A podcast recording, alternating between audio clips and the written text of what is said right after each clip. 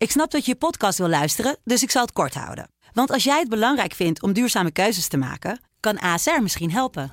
Nou hoor ik je denken, hoe dan? Nou, bijvoorbeeld bij het duurzaam herstellen van schade. Of de premies die we beleggen volgens ons duurzaam beleggingsbeleid. Dat bepaalt waar we wel en juist niet in investeren. Wil je meer weten over welke duurzame keuzes ASR maakt? Ga dan naar asr.nl slash duurzame keuzes. ASR doet het. Zo, dan kan je nu lekker naar je podcast luisteren. Deze podcast is mede mogelijk gemaakt door Obam Investment Management. Al ruim 85 jaar Nederlandse beleggingshistorie met beleggen in aandelen wereldwijd. Ervaren, actief en met een duurzaam rendement investeren in uw financiële toekomst. Obam Investment Management, de kunst van het kiezen. Kijk op obam.nl voor meer informatie.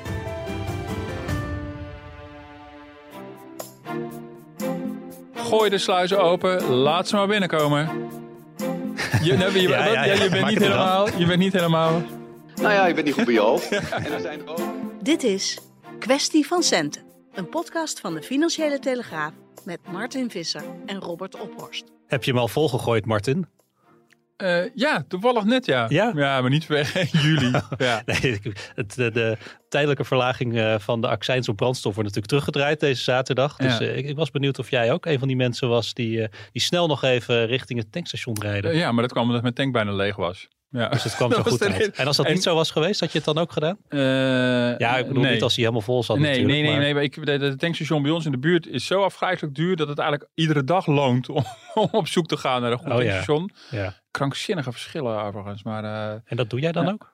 Vroeger deed ik dat eigenlijk helemaal nooit. Dat ik daar rekening mee hield. Maar ik hou er wel rekening mee als ik bepaalde delen van het land ben. Of naar een schoonouders ga. Denk ik, oh ja, ik weet dat daar een heel goedkoop tankstation Mhm. zit. En dat, dan ga ik tegenwoordig ook. Ik vind het eigenlijk een beetje sneu. Ga ik het zitten uitrekenen wat het verschil zou zijn. En dan stap ik weer in de auto. Nou schat, we hebben zoveel bespaard.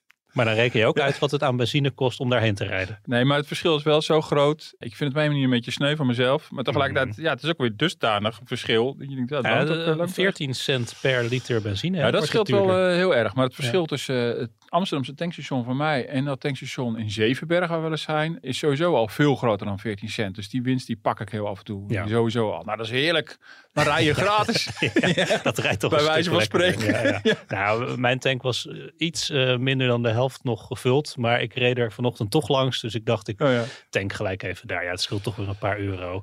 Het is volgens mij ook een relatief, nou niet echt een goedkoop tankstation. Want Haarlem is ook niet... eh, Nou, ik ga van het weekend nog naar België. Dus eh, even kijken wat de prijzen daar zijn. Dus eh, voor de terugweg misschien. ja, altijd, altijd lager, toch België? Voor mij altijd lager. Dus, Ja. eh, maar ik ben, ben er niet heel op gebrand. Maar ik probeer er een beetje op te letten. Om Hm. niet helemaal gek Henkie te zijn. De grens over dus. Nou, dat is Ja. meteen een mooi bruggetje naar ons eh, onderwerp van deze week. Gooi de sluizen open voor kenniswerkers, eh, ook van buiten de EU. Dat pleidooi deed eh, MKB-voorman Jacco Vonhoff deze week bij ons in de Telegraaf. Eh, het politieke taboe op arbeidsmigratie moet verdwijnen. Eh, de vraag naar personeel is in Nederland simpelweg te groot, zegt Vonhoff. Maar eh, hoe en waar gaan we al die mensen dan huisvesten? Want Nederland zit midden in een migratiecrisis, een woningcrisis en een stikstofcrisis. En de MKB-voorzitter vindt dat we sowieso terug naar de tekentafel moeten als het gaat om de arbeidsmarkt. Ja. De hervorming die is ingezet naar aanleiding van de adviezen van de commissie Borslap is alweer achterhaald, zegt Vonhoff. Haal de vaklui van ver. Zo kopten we dinsdagmorgen in de krant eh, het nieuwsverhaal over het pleidooi van eh, MKB-voorzitter Vonhoff. Eh, Volgens hem gaat het de verkeerde kant op met de arbeidsmarkt en is de hervorming waar minister van Gennep van Sociale Zaken nu mee aan de slag is alweer achterhaald.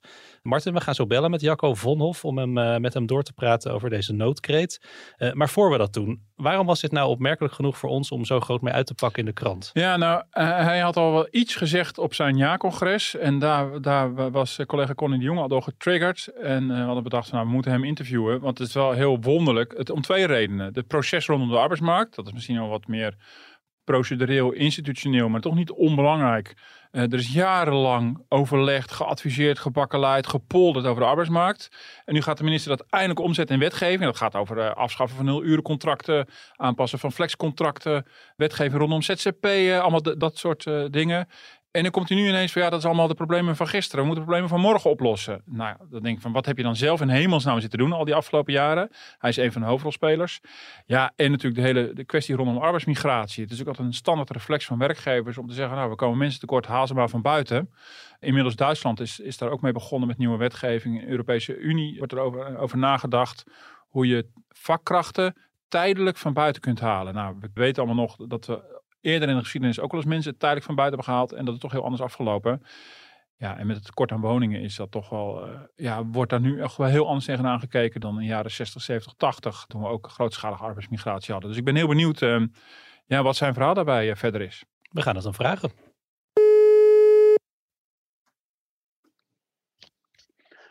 Met Vonhoff. Hi, met uh, Martin. Hallo, en Robert hey, Ophorst. Martin. Hey. Fijn dat je Dag Robert. er bent. Hallo, ja, fijn dat we even kunnen bellen. Hartstikke goed. Meneer Vonhoff, nog een uh, drie maanden geleden presenteerde minister van Gennep meer dan 30 kantjes uh, met voorstellen om de arbeidsmarkt te hervormen. Het resultaat van jarenlange verhitte onderhandelingen met de polder. En u zegt nu bedankt voor de moeite, maar de plannen zijn achterhaald. ja, dat is heel kort door de bocht. Ik zeg uh, bedankt voor de moeite, want er waren een boel dingen die we nog moesten oplossen. Ik heb dat verwoord als dat waren problemen van de arbeidsmarkt van gisteren. Dus uh, de discussie over flex minder flex, vast minder vast. Maar er is in de tussentijd, hè, na vijf jaar na Borstlab, twee jaar na het verhitte overleg in de polder.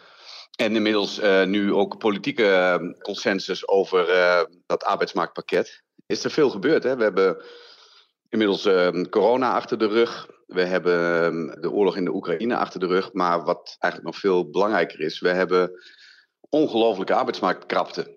En al die ontwikkelingen, en vooral ook de doorkijk naar de toekomst toe, die vragen volgens mij een soort van nieuw gesprek over wat komt er nu op ons af. Want ondanks alles wat we hebben geregeld met elkaar, zie je nog steeds een trendlijn dat steeds meer mensen zelfstandig willen zijn. We zien een hele jonge nieuwe generatie aankomen die nou, in ieder geval uh, niet meer uh, fulltime wil werken zoals eerdere generaties dat wilden.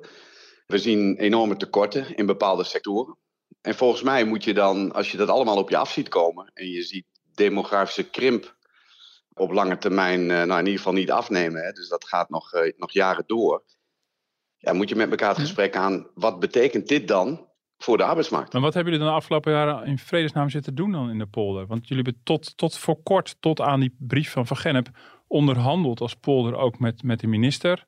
Zijn jullie dan ja. altijd bezig geweest met de problemen van vroeger? Nou ja, um, voor een deel. En ik denk dat een deel van de onderwerpen die ik net noem, en of dat dan, ja, dan noem het de problemen van morgen, ja, waren ook gewoon tussen de partijen lastiger te bespreken. Ja, de onderlegger Borstlap keek daar ook niet heel erg naar vooruit. Mm -hmm. Ja, en mijn, mijn analyse, hè, het is maar uh, een NS1-analyse, maar gewoon horende wat ik uh, terughoor van ondernemers, maar ook van werknemers, is dat wat er echt aan het gebeuren is, hele grote vragen stelt als, is ons stelsel, ons sociale stelsel nog wel op orde? Waar hebben we het dan nou, over? Waar hebben we het dan precies over? Nou, oké, okay, als, jij, um, als je gewoon eens even doorkijkt naar alle ingrepen die we al hebben gedaan en die we gaan doen, naar de ontwikkeling van zelfstandigheid in relatie tot de arbeidsovereenkomst, mm -hmm. dan zie je dat er steeds minder mensen in loondienst gaan werken. En niet alleen omdat er steeds meer mensen zelfstandig gaan werken, maar ook omdat er straks steeds minder mensen zijn, steeds minder jonge mensen zijn, die nog actief zijn op de arbeidsmarkt. Als je dan naar je sociale stelsel kijkt en de solidariteit die met name aan die aan de kant van de arbeidsrelatie zit, kun je wel uitrekenen dat we straks veel te weinig mensen hebben die nog in saamhorigheid opbrengen wat we nodig hebben om een aantal zaken die ja, rondom werkeloosheid, uh, oude dag, uh, ziekte, die daar nog met elkaar zeg maar gezamenlijk de risico's dragen. Ja. Er is een andere groep die zelfstandig zijn en die kiezen daar heel bewust voor, hè, een groot deel. Maar of ze altijd even solidair zijn als de mensen in loondienst, dat is maar de vraag. Maar ze doen in ieder geval minder mee aan dat uh, stelsel uh, wat ik net beschreef. En waarom maakt het MKB zich daar zo druk om? Je zegt, het is op basis van wat ik uit mijn achterban hoor. Er is reden om dit ja. te zeggen. Dus blijkbaar, het viel me ook op in het interview bij ons in de krant. Echt ook zorg over, over misschien straks wel 5 miljoen ZZP'ers. Ik denk, ja, dat zijn ook 5 miljoen ondernemers, toch? Dat is toch hartstikke mooi. Maar blijkbaar zit er ook een zorg voor midden- en kleinbedrijf. Ja, omdat ik denk dat als je hier niet over nadenkt en uh, met elkaar een soort nieuw frame bouwt waarvan je zegt van, nou weet je, hier moeten we ook over nadenken. Wat betekent dit bijvoorbeeld voor discussies die we nu hebben over een arbeidsongeschiktheidsverzekering voor zelfstandigen? Natuurlijk doen we dat omdat we daar ook een bodem in het uh, stelsel willen leggen voor die mensen. Hè, dat ze er niet doorheen gaan. Wat betekent dat nou voor alle andere werkende mensen? Zou je zo'n regeling niet veel breder moeten trekken? Ja. Mhm. En daar moet je over nadenken. Want als je dat niet doet, en dat is dan zeg maar mijn zorg, als die solidariteit onbetaalbaar wordt, of er gaan te veel mensen straks, omdat ze het nu niet goed regelen, door de bodem, dan komt de uiteindelijke vraag om solidariteit via Tweede Kamer, kabinet, alsnog weer op het bordje Ja. van waarschijnlijk ondernemers. En de vraag is dan, zijn we dan in staat om dat nog of betaalbaar of Ja. eerlijk te houden? Maar dan gaan jullie de premies omhoog. dan gaan de premies omhoog. Of ja, in ieder geval de risicoprofielen worden veel, veel groter. Ik maak me er nu voorzichtig zorgen over. Maar als ik die trendlijnen zie die ik net beschreef, dan is het wel verstandig om je voor te stellen een wereld waarin meer dan nu, zeggen ze, 3, 4 miljoen mensen eh, zelfstandig zijn geworden. We steeds minder mensen hebben die actief zijn op de arbeidsmarkt. Mhm. Steeds meer mensen hebben die oud zijn en gebruik moeten maken van bijvoorbeeld AOW. En die worden opgebracht door werkenden. Dus denk daar nou eens over na. Wat gaat dat nou op termijn betekenen? En moeten we niet nu al gaan nadenken over misschien wel een, een systeemwijziging? Maar dat zijn toch ook Nou. dingen waar eh, ook de commissie Borslap nadrukkelijk over heeft nagedacht. Die, die doorgeslagen flexibilisering en de opmars van ZZP'ers. Ja, en eigenlijk is dat ook een klein deel van mijn bewijslast. Dus we doen eigenlijk heel veel pogingen in de fiscaliteit, in de juridische kant van de zaak, op het gebied van het, eh, nou, laten we zeggen, eh, incentives aan werkgeverskant, werknemerskant en proberen om zelfstandigen te bewegen toch weer die kant op te gaan van die arbeidsovereenkomst. Maar je ziet in alle trendlijnen een precies tegenovergestelde Mhm. ontwikkeling. Maar wat zou er dan dus- moeten gebeuren? Want u zegt van eh, in Nederland zien we dat, dat mensen steeds minder vast willen. Jongeren ook willen andere dingen. Is dan Ja. inderdaad de oplossing die mensen van buiten halen, die willen dat wel? Nee, oh, dat is, een, dat is een, ook een antwoord op het tweede deel van de vraag. Namelijk, hebben we überhaupt wel genoeg mensen, vakmensen, om ons, eh, eh, onze verzorgingsstaat straks in orde te houden en om de grote transities te doen? Nou, die wil ik ook wel beantwoorden, maar dat is wat mij betreft net een andere vraag. Als het gaat om onze bestaande arbeidsmarkt en de mensen die daar nu opkomen of al zijn, dan gaat het mij vooral over: is het, het onderliggende systeem van solidariteit op Hm. lange termijn op deze manier houdbaar?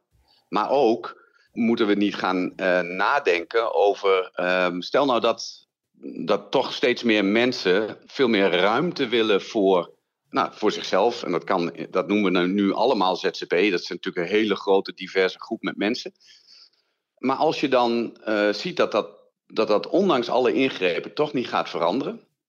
Hè, dat is die, die behoefte aan meer ruimte, of dat nou professionele autonomie is of, of ondernemerschap. Mensen of- willen dat gewoon. ja, en dan kun je toch ook wel gaan nadenken over, als dat de wil is van mensen, moeten we dan niet gaan nadenken over hoe we dat zo kunnen Ja. faciliteren, zonder dat we dat, dat idee wat we ook met, eh, in Nederland heel goed hebben, zonder dat we die, die Ja. basis, die bodem op orde hebben. En wat, zou, Ja, wat dat- zouden manieren kunnen zijn om dat voor elkaar te krijgen? Waar denkt u aan? Nou ja, nou ja, dat zeg ik. Kijk, de vraag, ik, ik stel hem ook echt als vraag. Ik denk zelf, nou, ik noemde hem net al één. Hè, zou, moet je nou niet bijvoorbeeld naar een stelsel waarbij je een AOV voor iedereen hebt? Waarbij eh, de mogelijkheid om als je zonder werk komt te zitten, ook voor alle mensen geldt. Dus Ja. dat je bijvoorbeeld ook nadenkt over hoe, hoe creëer je daar weer solidariteit. Nou, pensioen hebben we een eerste stap gezet. Hè, dat je ook als zelfstandige wel mee kan doen Ja. in, de, in de pensioenoplossing voor mensen met een arbeidsovereenkomst. Ja, waar, het dan, waar het dan dus op neerkomt, heel kort samengevat, is dat je eigenlijk, die snap ik heel goed, dat je de sociale zekerheid en al dat soort regelingen, ja, dat je gaat verkennen of je dat niet van toepassing kan verklaren op alle werkenden, ongeacht de Precies, vorm waarin nou, ze werken. Dat is iets wat de vakbonden heel bang voor zijn, namelijk, Ja. zij zijn heel bang voor wat dan een mini-stelsel heet. En dat betekent namelijk dat het waarschijnlijk ook een iets soberder iets wordt. Is dat ook een logische stap dan, om het soberder te maken?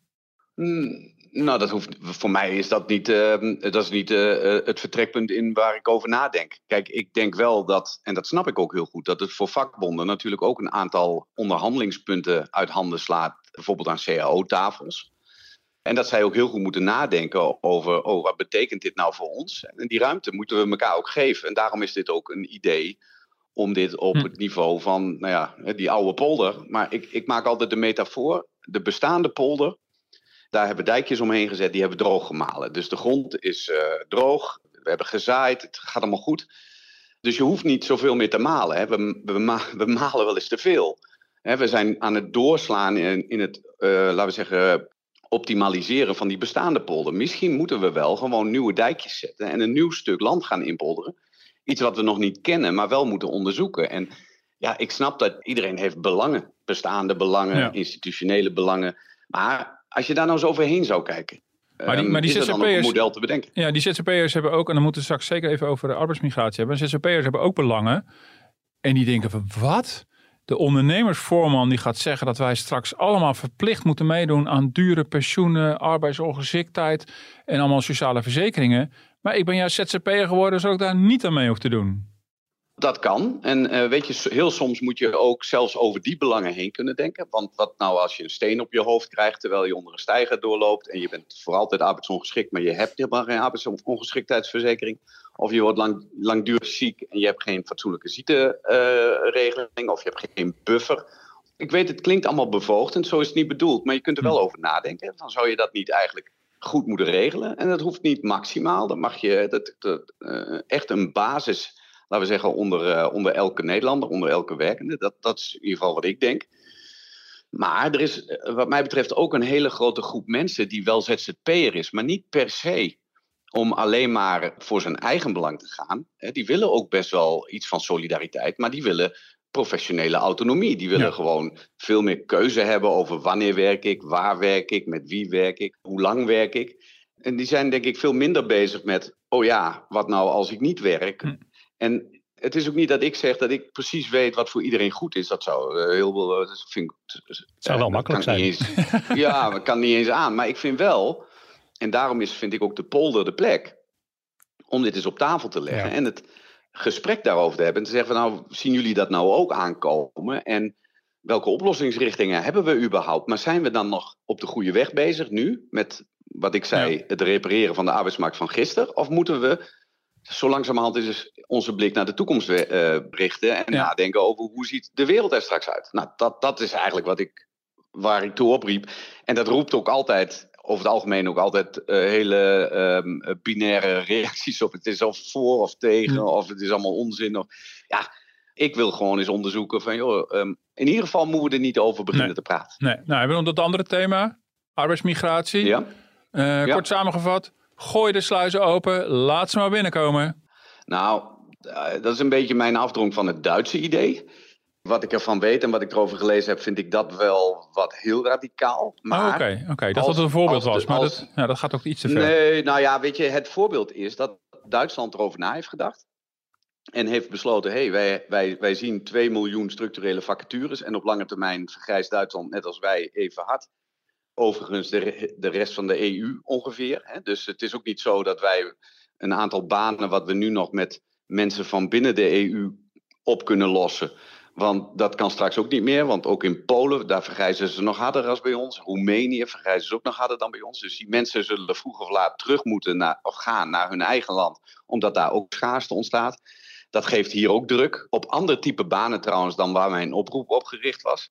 Ook dat vond ik wel leuk, want ook als je zoiets noemt hè, en je begint over de potpurrie van de discussie over migratie, dan krijg je van alles over je heen. Maar ook heel veel mensen die zeggen, ja, maar we zijn al vol of jullie willen zeker alleen maar goedkope mensen. Nee, het gaat mij niet eens over de kosten. Het gaat mij over wat kost het ons straks als we onze energietransitie niet kunnen doen. Als we onze bouw niet op, op eh, niveau kunnen houden. Als we geen mensen meer hebben in de mhm. zorg, handen aan het bed. Als we eh, geen ICT'ers hebben die de digitale ontwikkeling moeten helpen aanjagen. Ja. Met andere woorden, dit zijn andere mensen. Nou, in Duitsland hebben ze daarover nagedacht. Daar zeiden ze, ja, we hebben 2 miljoen structureel nu al tekort.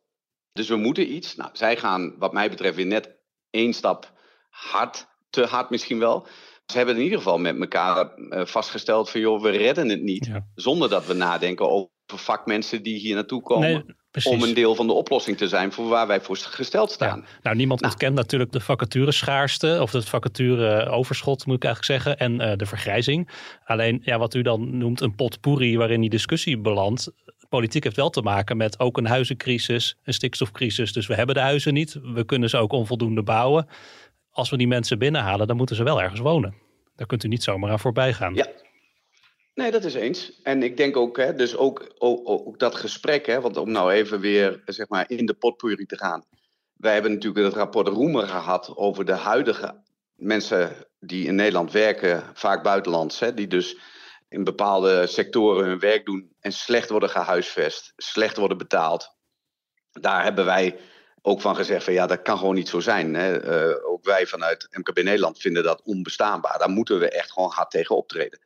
En ja, we moeten ook nadenken over huisvesting voor die mensen. Daar zijn ook ideeën voor. Hè. Daar kun je veel, in ieder geval voor de time being, veel tijdelijke huisvesting voor regelen van een goed niveau. Maar dan hebben we de overheid weer nodig die zorgt dat die vergunningverlening versneld wordt. Dan zullen we plekken moeten aanwijzen waar we dat kunnen doen. Maar dat is voorwaarde. Hm. Maar vervolgens hebben we diezelfde mensen ook nodig om, als je even door je oogharen kijkt, die bouwproductie die we nog decennium vol moeten houden of langer, om die überhaupt te kunnen realiseren. Dus het is een soort vicieuze cirkel waar we in blijven hangen. Ja, we hebben niet genoeg huizen. Ja, omdat we ze niet bouwen. Omdat de vergunningen niet snel genoeg gaan. En omdat we de mensen niet hebben. Zo nou, ga je maar door. Het, het, aardige is dat deze week hield uh, Pieter Hazekamp, de directeur van het Centraal Planbureau, uh, een lezing. En die wees ook op een vicieuze cirkel. Namelijk, als je allemaal mensen van buiten haalt dan lijkt je een tekort op de arbeidsmarkt op te lossen. Maar die mensen moeten weer ergens wonen, die hebben ook weer hun wensen. Nederland wordt voller en voller. En dan heb je nog, nog meer mensen nodig om aan die, al die vragen te voldoen. Dus die wijst ook op een vicieuze cirkel, juist die veroorzaakt wordt door migratie.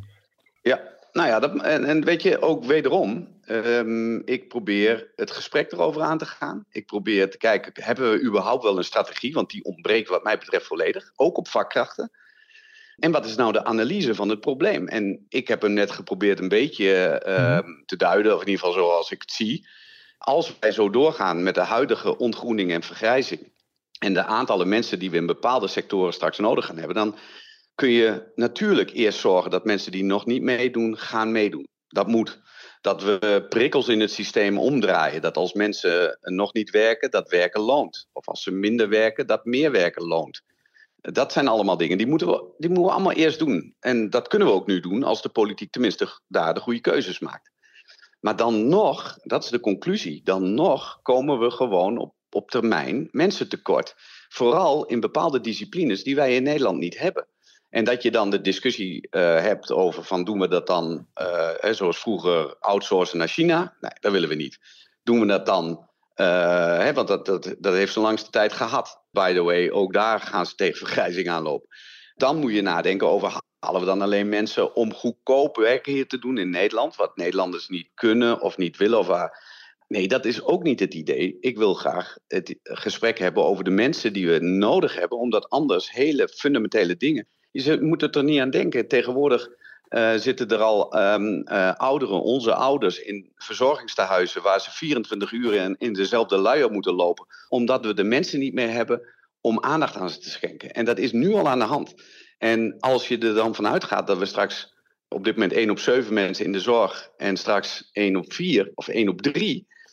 En, en diezelfde mensen moeten ook de AOW voor al die verreizende mensen uh, bij elkaar gaan verdienen.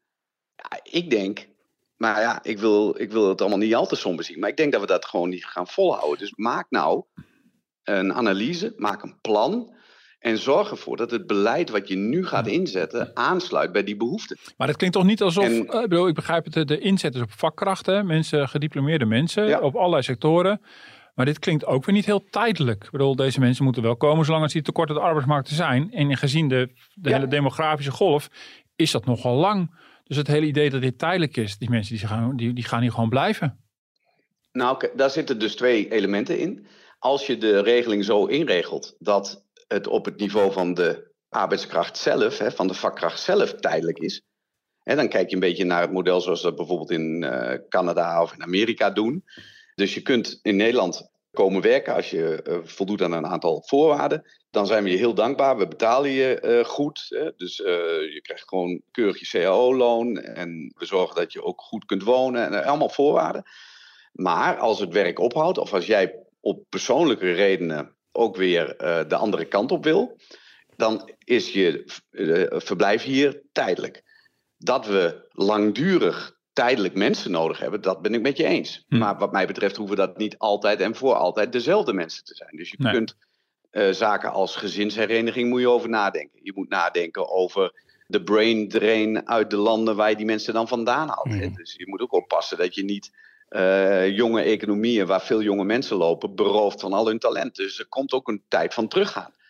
Maar allemaal elementen, nogmaals, ik kan het ook niet allemaal goed overzien. Eh, ik heb eh, snippers van wat ik ook hoor van mijn achterban.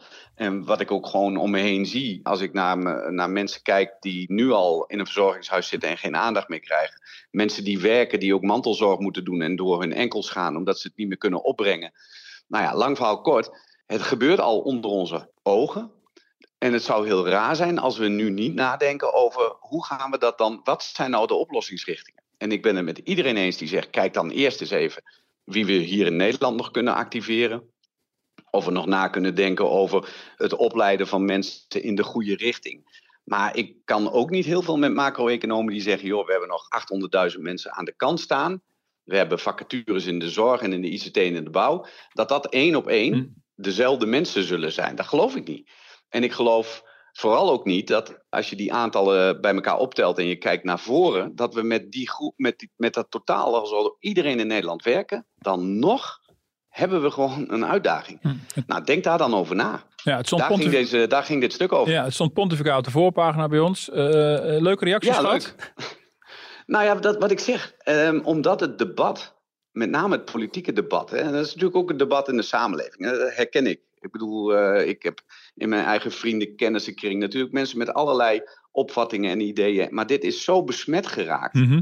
omdat we delen van onze vluchtelingen, annex eh, veilige landers, die zich hier komen aanmelden voor asiel, omdat we daar geen oplossingen voor hebben, komt vakkrachten eh, komt heel zwaar onder druk. Omdat iedereen zegt, ja, maar het is al te druk. Ik zou zeggen, en dat vond ik trouwens heel mooi aan het Duitse idee. Kijk, in Duitsland zeggen ze, er komen ook mensen in die mi- migratiestroom, in die asielstroom mee, waarvan je weet dat ze geen recht hebben om hier te zijn als vluchteling. Maar in Duitsland kunnen die mensen zeggen van, oh, wacht even, eh, dat was wel mijn ambitie, want ik wil graag hier zijn. Maar die kunnen nu van spoor wisselen, zoals ze het daar noemen, een spoorwechsel. Die kunnen dus zeggen van, oh, maar eigenlijk wil ik hier gewoon werken als vakkracht. En ik heb een- een aantal vaardigheden die jullie kunnen gebruiken. En ik ruil mijn zekerheid in voor altijd hier blijven in een asielprocedure. En dan vervolgens een status en dan eh, word ik Duitser of zo. Maar die zeggen nou nee, ik kwam hier eigenlijk gewoon om te werken. En dat wil ik ook heel graag. Dus ik ga voor die andere procedure. Ja. En ik denk dat dat zou kunnen helpen. ja, maar er zijn dus, als ik goed begrijp, eh, ik vroeg naar de reacties, ook vrienden van jou die zeiden, Jacco, wat zeg je nou in hemelsnaam? Dit wil ik helemaal niet, eh, beste ik Jacco. denk, nou ja, ik denk dat. Kijk, als ik in de krant sta, dan moeten de kernboodschappen erin. En dat Ja. begrijp ik ook. Ja. En het moet ook een beetje de uitersten laten zien. Mhm. En mensen slaan ook in dit debat altijd aan op de uitersten, op de extremiteiten, op de problemen, die- op de korte termijn, de dingen die ik op Mhm. televisie zie. Nee, dat snap ik. En Ik, bedoel, begrijp mijn- wel, ik bedoel, jij, bent er over genuanceerd, maar jouw vrienden hebben ook gereageerd Ja, op, op, op de koppen. En die lezen ook op die manier de krant. En daar, daar voel je natuurlijk aan van ja, die... Sommigen zeggen van, joh, je bent niet, dat, dat, dat kan helemaal niet en dat, eh, hoe moet dat dan? Je, je, Ja, ja, ja, ja, je bent niet het helemaal... Je bent niet helemaal... Nou ja, je bent niet goed bij je hoofd. En er zijn er ook, en er, zijn er ook die zeggen tegen mij van, ja, want ik, ik heb een tekort op dit moment al en ik weet niet Ja. meer hoe ik het moet oplossen. Ja, Ja. Nee, dan heb je Maar, denk ik eh, het dus- hele debat wel... Ja. eh, natuurlijk maar u ook- heeft ja. nog geen uitnodiging ontvangen van het ministerie om eens even analyses uit te wisselen. Nee, ik, ik heb wel eh, vanuit de polder eh, reacties gehad en die waren positief. Toen ik ze uitlegde dat ik niet wil terugonderhandelen. Ja. Want dit, is, dit verhaal gaat niet over ik wil wat er nu ligt en het moet allemaal van tafel en het klopt allemaal niet. Nee, het was heb geen bom onder bestaande akkoorden of iets dergelijks. Nee, dat hebben Nee, zo, zeker nee, niet. Nee, Het- nee. Nee, het was een handreiking om Ja. met elkaar naar voren te denken over wat we allemaal ambiëren. is allemaal prima. Maar stel nou dat, dat mensen zich toch echt anders gaan gedragen. En dat doen ze. Hoe moeten we het dan doen? Ja. Nou, en nou ja, daar kreeg ik in ieder geval positieve. Helder. Zowel Kim Putters als ook Tuur Elzinga, die toen ik hem uitlegde wat ik bedoelde, zei van ja, dan moeten we het echt wel over hebben. Mhm. Nou, Ja. Belangrijk. Hartstikke bedankt dat u eh, even in de podcast kwam om, eh, om een en ander uit te leggen. Eh, Jacco Vonhoff, voorzitter van MKB Nederland. Graag gedaan. Ja, Martin. Jarenlang gepraat in de polder.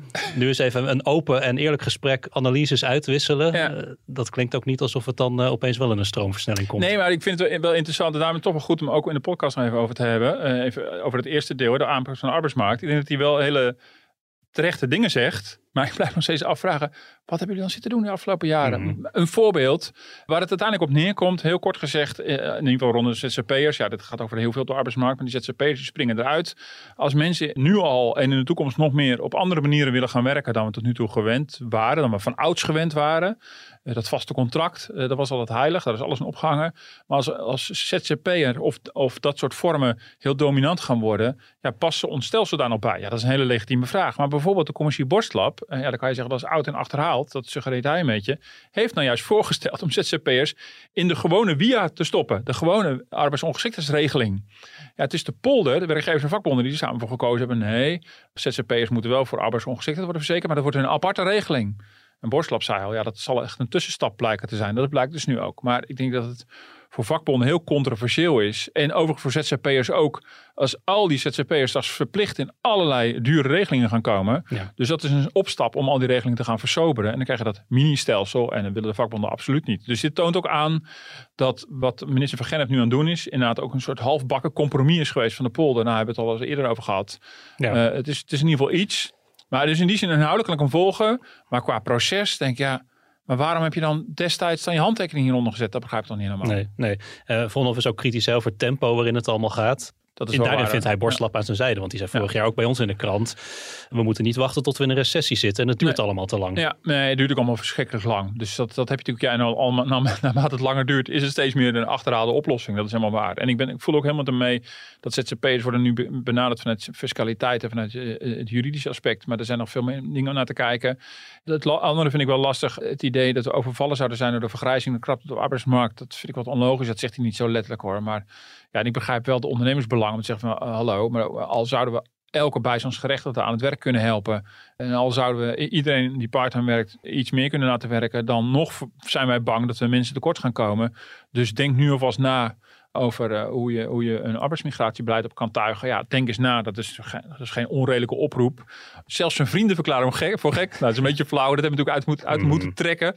Maar er zit natuurlijk wel maatschappelijk een enorme spanning. En het idee van ja, eh, tijdelijke woningen, eh, moet alleen de vergunning even geregeld worden. Ja, eh, dan denk ik, ja, als we die tijdelijke woning hebben gebouwd, laat er dan een starter wonen. Ik bedoel, hallo. Of Nee, het, een, het eh, probleem is natuurlijk ook een beetje dat de oproep heel erg redelijk is. Maar zodra je dan in detail gaat treden Dan over wordt hoe het dan, ingewikkeld, ja. dan wordt het Ja. ingewikkeld. Ja, nee, maar de- ik denk dat hij terechte kwesties aansnijdt. Absoluut. Ook wel een beetje laat zien, in mijn optiek, ik, ben niet altijd fan van de polder. Voor mij repareert de polder altijd de problemen van het verleden. Eh, is het heel moeilijk om naar de toekomst te kijken. Dus in die zin vond ik het ook wel verrassend. En ook wel verrassend eerlijk. Hij plaatst natuurlijk geen bom onder dat arbeidsmarktakkoord. Want dan zijn de rapen gaar. Dat zit ook helemaal niet op. Dus, dus ja, dus het is voor Van Gennep een beetje sneu. Maar zij zit dus eh, een achterhaald probleem op te lossen.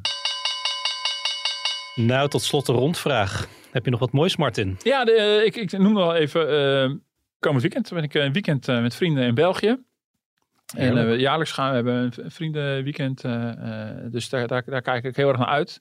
Ik, En- zie, een, ik zie een groot kampvuur voor me. Jij aan de 0.0, jouw vrienden aan het bier. dat, dat laatste klopt zeker. Het is meestal geen kampvuur. Maar eh, nee, we huren eh, altijd een heel groot huis. We zijn met z'n zevenen. Er moeten altijd minstens zeven slaapkamers in eh, zitten. Dus we, we zijn wel gehecht aan onze eigen kamer.